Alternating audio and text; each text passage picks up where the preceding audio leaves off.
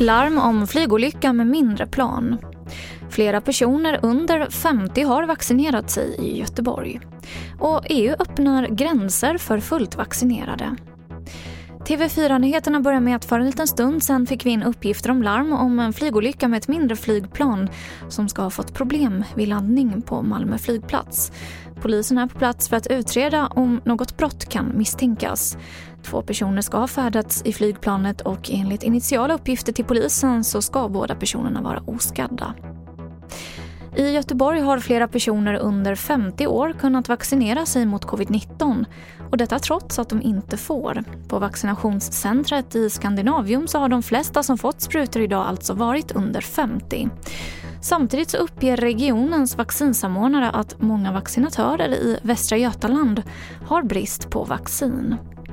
Det ska bli lättare för polisen att använda fingeravtryck, DNA och ansiktsigenkänning vid brottsbekämpning. Och imorgon så tillsätter regeringen en ny utredning som bland annat ska se över vilka uppgifter som får samlas in och hur länge de får sparas. Och bakgrunden är att teknisk bevisning blivit viktigare för att kunna lagföra misstänkta. Framförallt när det handlar om brottslighet kopplad till gäng.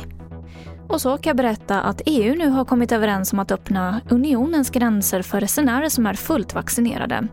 Beslutet fattades av EU-länderna idag. Vi hör vår utrikeskommentator Elisabeth Frerot varje EU-land i sig som i sista hand bestämmer vem som får komma in i deras land. Men EUs eh, ambassadörerna från alla EU-länderna har ju möten hela tiden där man eh, förhandlar olika frågor och de har nu eh, rekommenderat att man ska gå mot en öppning av de yttre gränserna för EU och annonserar att man inom kort också kommer komma med en lista över länder där smittspridningen anses vara under kontroll och varifrån man då kan börja släppa mm. in icke-EU-medborgare i unionen.